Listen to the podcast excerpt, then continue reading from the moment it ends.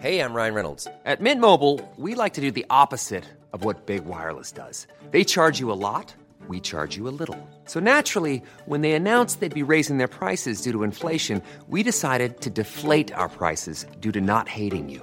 That's right. We're cutting the price of Mint Unlimited from $30 a month to just $15 a month. Give it a try at mintmobile.com slash switch. $45 upfront for three months plus taxes and fees. Promo rate for new customers for limited time. Unlimited more than 40 gigabytes per month. Slows. Full terms at mintmobile.com.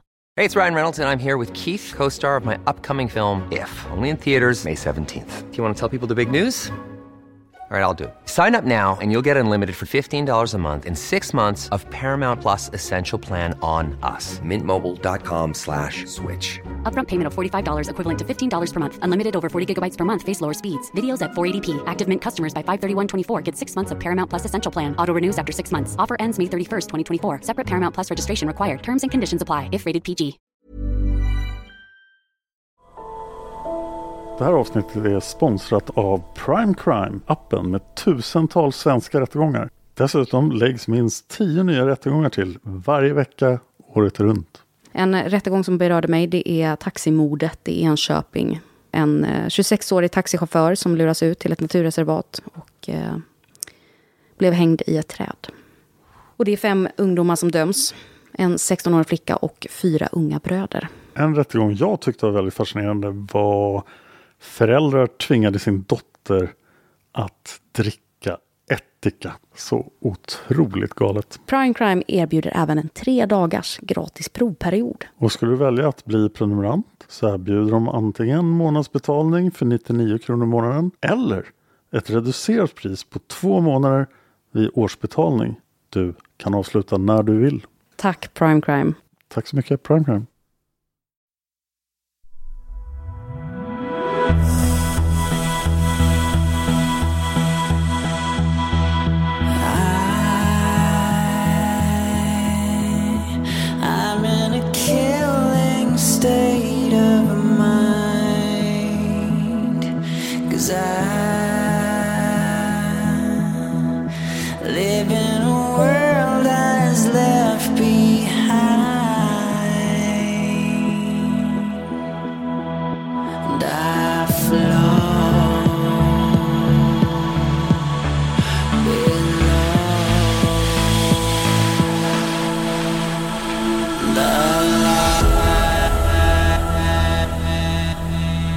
Du lyssnar på Mördarpodden.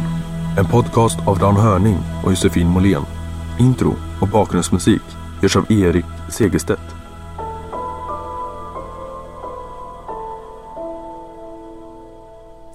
Välkommen till Mördarpodden och del tre av Olle Möller-serien. Olle Möller, den charmfulla och stilige idrottsmannen som blev Sveriges mest hatade man under slutet av 50-talet. Var han en brutal mördare? Eller en man vars liv präglats av ofattbar otur? Det här är alltså del tre av en serie på fem delar där manusförfattare Sofie Karlsson har grävt i Olle Möllers liv och presenterar för och motbevis.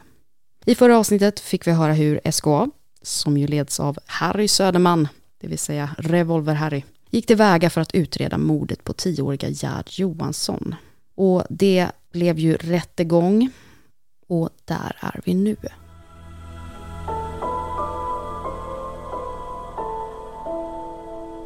En annan person som förhörs under rättegången är en medfånge som heter Gunnar. Gunnar har suttit intagen på Långholmen tillsammans med Olle. Gunnar var häktad för att ha förskingrat kaffe från konditoriet som han arbetade på. Och som du kanske minns så råder det ju livsmedelsransonering på grund av andra världskriget, som jag nämnde i förra avsnittet. Och kaffe är ju en vara med hård ranson. Gunnar och Olle skickade lappar mellan varandra på Långholmen. Och vad Olle inte visste var att lappväxlingen mellan honom och Gunnar skedde på initiativ av polisen. Det var polisen som hade instruerat Gunnar att börja lappväxla med Olle och försöka få honom att skriva något som skulle kunna användas som bevis mot Olle. I en lapp så ber Olle Gunnar att vara hans alibi för fredagen den 1 december 1939. Och det här tycker polisen är jackpot. De menar att ingen oskyldig människa ber om ett falskt alibi. Och många, många år senare, 1984, så kommer det fram att det faktiskt inte var Gunnar som skrev de flesta lapparna, utan det var polisen själva. Och jag måste säga att har man den bevisningen mot den och om man är oskyldig så är det klart att man gärna vill ha ett alibi oavsett skuld eller ej. Många vittnen är också karaktärsvittnen och de vittnar om Olles dåliga karaktär.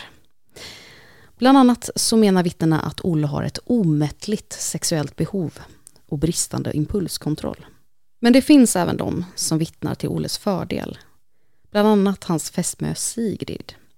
Det är lite oklart när Olle träffade Sigrid och när de förlovade sig.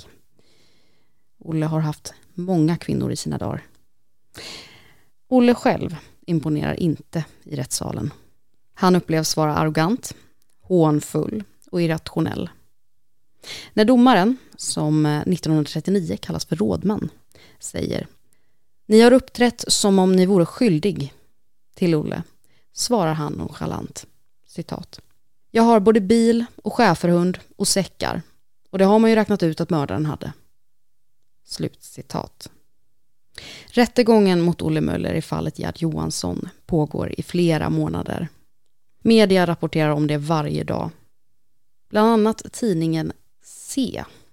Och i början av mars 1941 och mot slutet av rättegången så skriver C en artikel med rubriken citat. Ruskiga detaljer och skandallösa avslöjanden. Slutcitat. I artikeln beskrivs Olle som lugn och balanserad under rättegången. Samtidigt skriver C att Olle gråtande bedyrar sin oskuld inför rätten, vänd mot Gerds föräldrar Helge och Vivian. Vid ett annat tillfälle vänder sig Olle återigen mot Helge och Vivian och säger något i stil med att han önskar att lilla Gerd kan resa sig ur sin grav och berätta för alla att han är oskyldig. Åklagare Glas visar bilder från fyndplatsen vid Lötsjön där åttaåriga Billy och hans kompisar hittade Gerds kropp. Han visar även bilder från obduktionen och de bilderna visar tydligt skadorna i Gerds underliv. Fredagen den 7 mars 1941 dömer Stockholms rådhusrätt Olle Möller skyldig till kidnappning, försök till våldtäkt och misshandel varav döden följt till tio års straffarbete. Olle blir även betalningsskyldig till Gerds föräldrar Helge och Vivian för deras dotters begravningskostnader.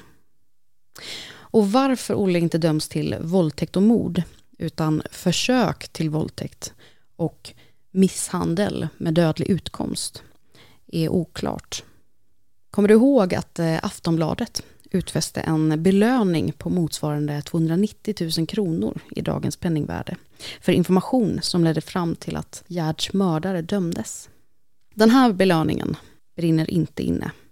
Vaktmästaren på idrottsplatsen som jag nämnde i förra avsnittet, som var en av de som tipsade polisen om Olle som gärningsman, får en tredjedel av belöningen. Och en tredjedel går till polisen som mottog tipset från vaktmästaren och en tredjedel går till åklagare Glas. Glas väljer dock att eh, inte ta emot sin del av belöningen för egen räkning utan han skänker den till Barnens dag. Och Barnens dag är en eh, temadag där barn uppmärksammas. Den har funnits i Sverige sedan 1905 och firas nu för tiden den 7 oktober varje år. Det tyckte jag var fint av Sofia att lägga in i manuset. Och fint av Glas att skänka pengarna dit såklart. Sen eh, förstår jag inte alls varför Glas får de här pengarna. Ja, ja, lite surt för vaktmästaren helt enkelt. Olle placeras på Långholmens centralfängelse där han tidigare suttit häktad och bland annat lappväxlat med vem man trodde var en vän och medfånge vid namn Gunnar. Alltså Gunnar som hade förskingrat ransoneringsvaran kaffe. Men det var ju inte han Gunnar som skrev till Olle, utan det var ju polisen som skrev de flesta lapparna. En tid efter att Olle har blivit dömd så får hans advokat Hugo Lindberg ett brev. Och jag vet inte exakt datum när Lindberg får det här brevet, men i brevet så står det citat till advokat herr Hugo Lindberg, Kungsgatan 4B, Stockholm, Mölleraffären, den osanna. Det är angående chauffören Olle Möller som nu har blivit dömd till ett straff som förgyllt tio års straffarbete Men det är ej Möller som är den skyldiga, utan det är jag som har mördat lilla Gerd. Och därför är det orättvist att en annan person ska lida för vad en annan har gjort. Men som jag ser det är det en tvist om när flickan dog, men döden inträffade 2015, eftermiddag. Obs! Flickan var ej slängd ur bilen och bilen i fråga är en Chevrolet. Och jag har flera gånger varit på väg till polisen, men på grund av det hårda straffet som väntar mig har jag ej haft mod till det. Några mer uppgifter om mordet ges icke. Högaktningsfullt, mördaren. Slutcitat. Det här brevet skulle kunna vara ett erkännande från en skuldfylld person som vet att någon avtjänar ett straff för ett brott som hen har begått. Det skulle också kunna vara en tidig version av Thomas Quick, eller Sture Bergvall som han heter idag. Alltså en person som erkänner brott som hen inte har begått. Men en intressant detalj med det här brevet är att eh, det finns två vittnesmål från två löpare som har sagt att de har sett just en Chevrolet i närheten av Lötsjön på just den kvällen, alltså den 1 december 1939. Men det är dock två vittnesmål som inte tagits upp under rättegången och inte heller nämnts i media. Under sin tid på Långholmen så gifte sig Olle med sin fästmö Sigrid. Och han blir även pappa. Men det finns väldigt lite information om Sigrid och Olles barn. Det vi vet är att eh, Sigrid är född 1915 och är alltså nio år yngre än Olle. Och att det ryktas om att Olle har haft flera barn utanför äktenskapet. Den som viger Olle och Sigrid inom fängelsets väggar är pastor Karl-Erik Keine. Han kommer några år senare, i början av 50-talet, ge upphov till Keine-affären, som även kallas Apelsinmannen-affären, i vilken Keine och hans kollegor anklagade en rad personer för att vara homosexuella, vilket på den tiden då var olagligt. Och en som engagerade sig i frågan var författaren Willem Moberg. Han stod på Keynes sida och Mobergs engagemang utmynnade i att även Haijby-affären uppmärksammades. Alltså skandalen om att Kurt Haijby hade en kärleksaffär med kungen Gustav V som den intresserade kan se i fiktionell form i SVTs En kunglig affär. Men nog om homosexuella affärer, tillbaka till Olle. Olle vill ansöka om resning. Hans advokat Lindberg lämnar över arbetet med resning till en yngre advokat som heter Einar van der Velde. Och van der Velde drar igång en ny utredning för att försöka hitta en ny bevisning då som styrker sin klients oskuld. Pastorn Keine skriver ett karaktärsintyg om Olle där han skriver att enligt Keines mening är Olle oskyldig. Jaha, okej. Okay. Det var ju bra.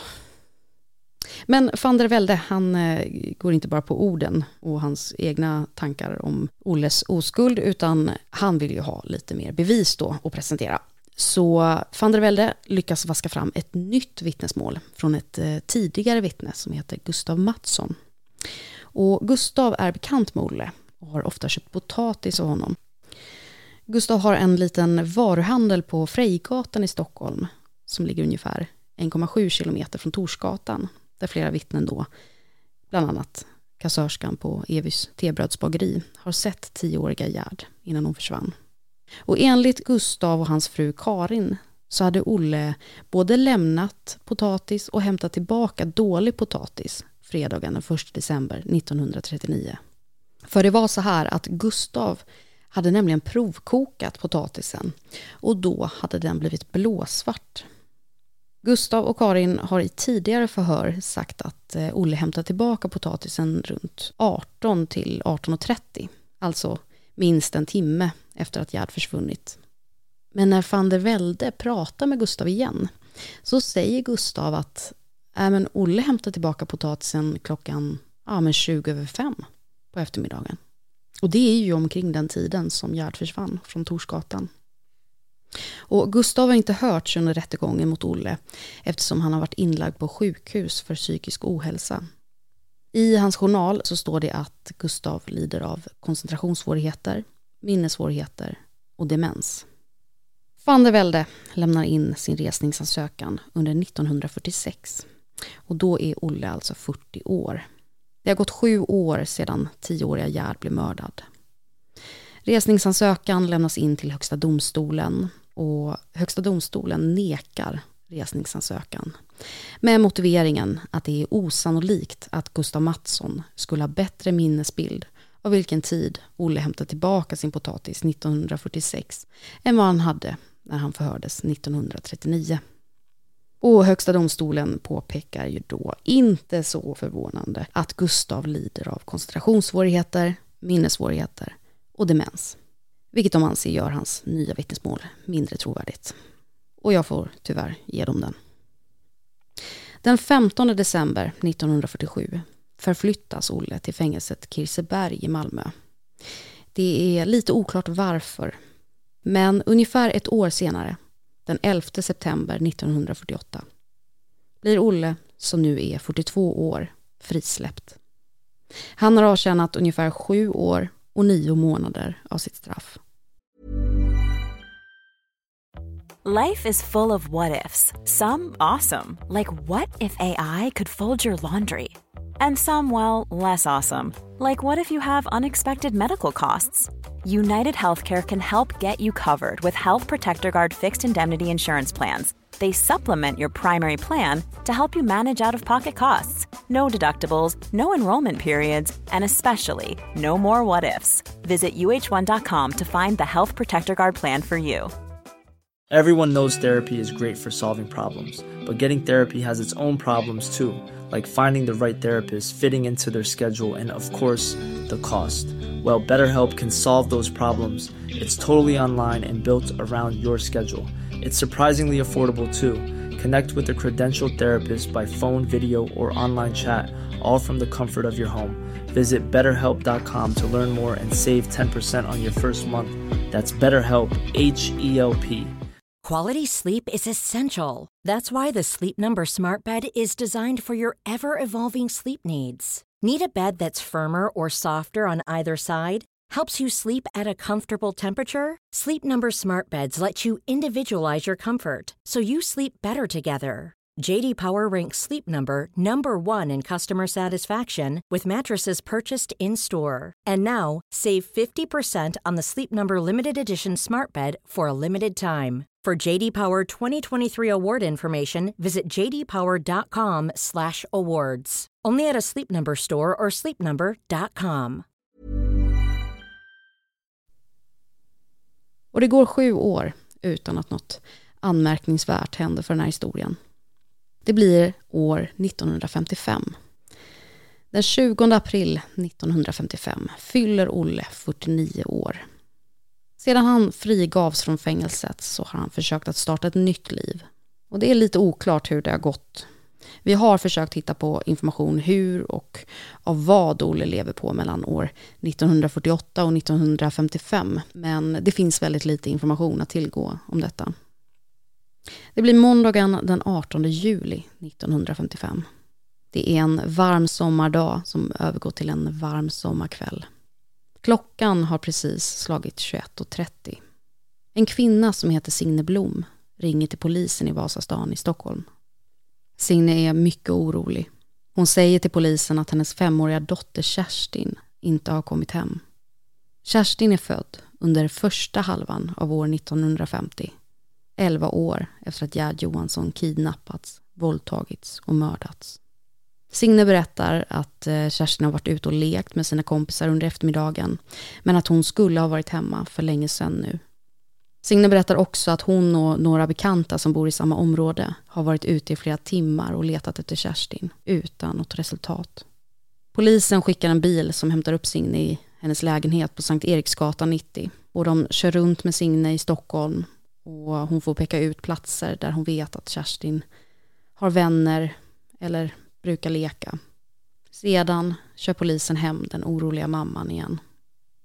Polisen tar Kerstins försvinnande på allvar eftersom de bedömer att hon troligtvis inte gått vilse. Poliserna som tagit emot Sinnes samtal och träffat henne kontaktar därför omedelbart den avdelning som 1955 har ansvar för att utreda försvinnanden, det vill säga våldsroten.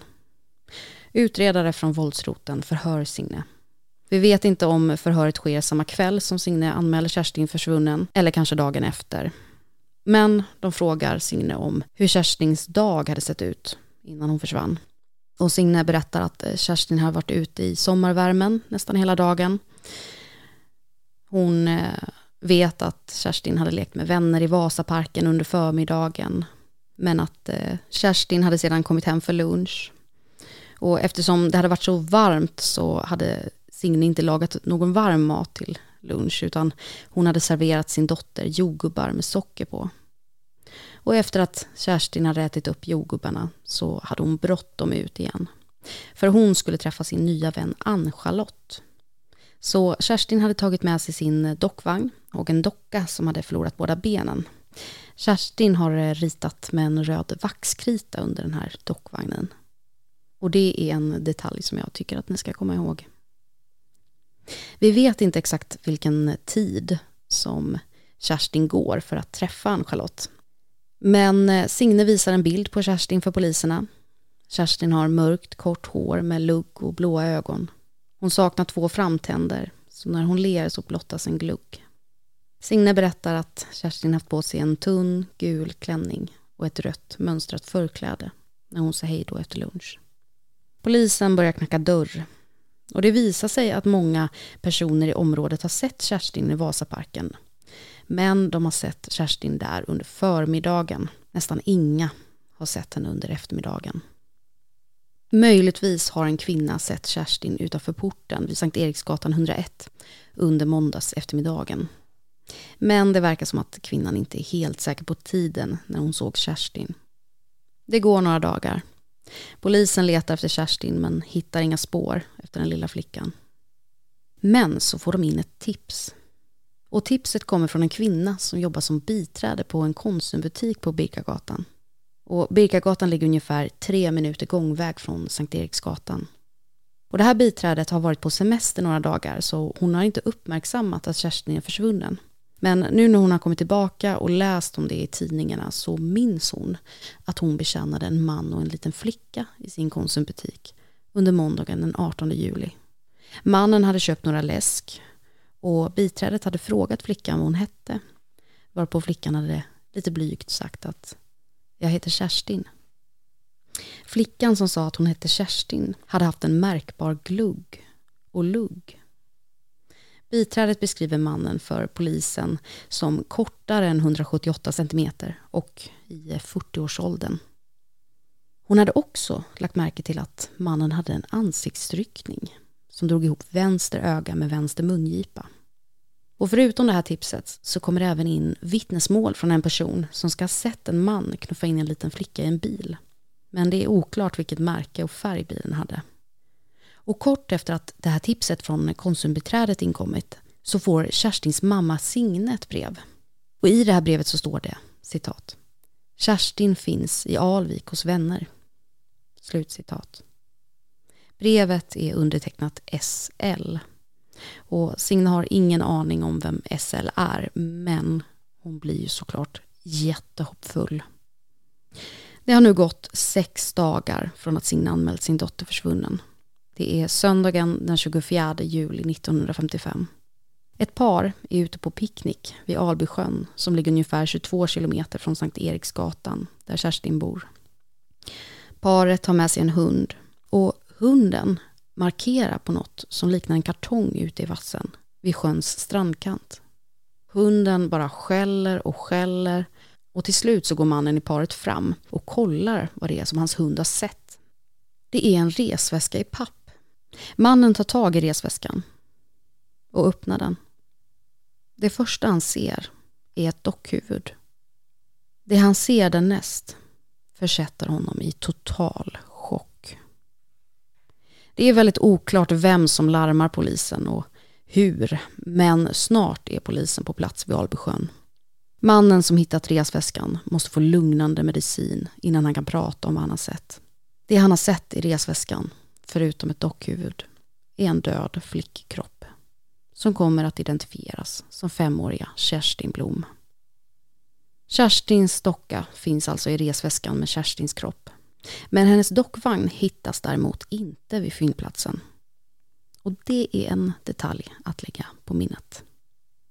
En rättsläkare som heter Ingrid Lindmark undersöker Kerstins kropp.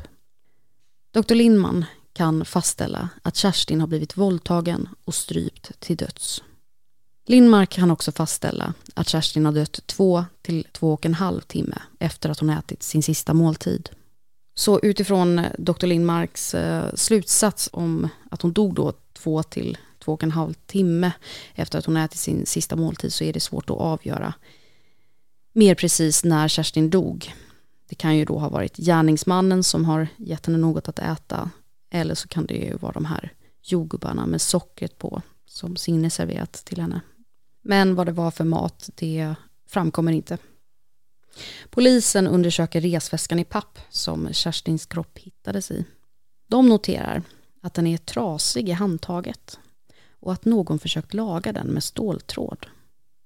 Polisen går ut med en efterlysning via media efter väskans ägare och de ber också allmänheten att kika på sina vindsförråd för att se ifall någon av deras resväskor saknas. För att få tag i Kerstins mördare så utlyser staten en belöning på 10 000 kronor. Två dagstidningar har även utökat den här belöningen med 5 000 kronor. Så totalt är belöningen alltså uppe i 15 000 kronor, vilket motsvarar ungefär 247 000 kronor i dagens penningvärde. Och det får snurr på tipsen, för de strömmar in. Många av de här tipsen berör Olle Möller. Vad som blir av dessa tips och vad som händer i polisens fortsatta utredning kommer jag att berätta om i nästa avsnitt. Tycker du om den här podden så stötta den på Patreon, patreon.com, sök på Mördarpodden. Så väljer du en valfri summa att stötta oss med per avsnitt och får den här podden att fortsätta komma ut i samma takt som nu. Tusen tack till våra patreons som är där.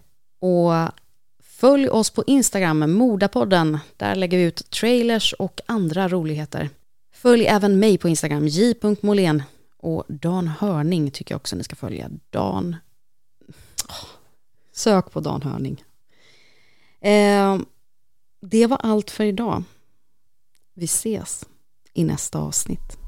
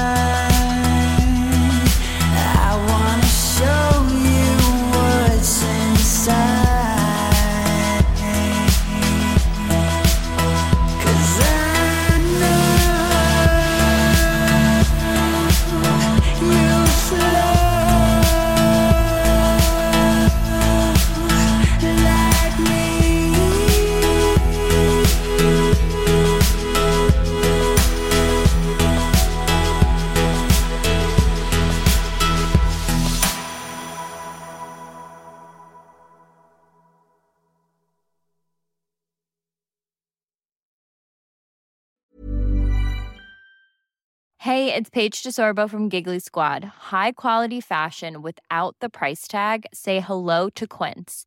I'm snagging high-end essentials like cozy cashmere sweaters, sleek leather jackets, fine jewelry, and so much more. With Quince being 50 to 80% less than similar brands. And they partner with factories that prioritize safe, ethical, and responsible manufacturing. I love that. Luxury quality within reach. Go to quince.com slash style to get free shipping and 365 day returns on your next order. Quince.com slash style.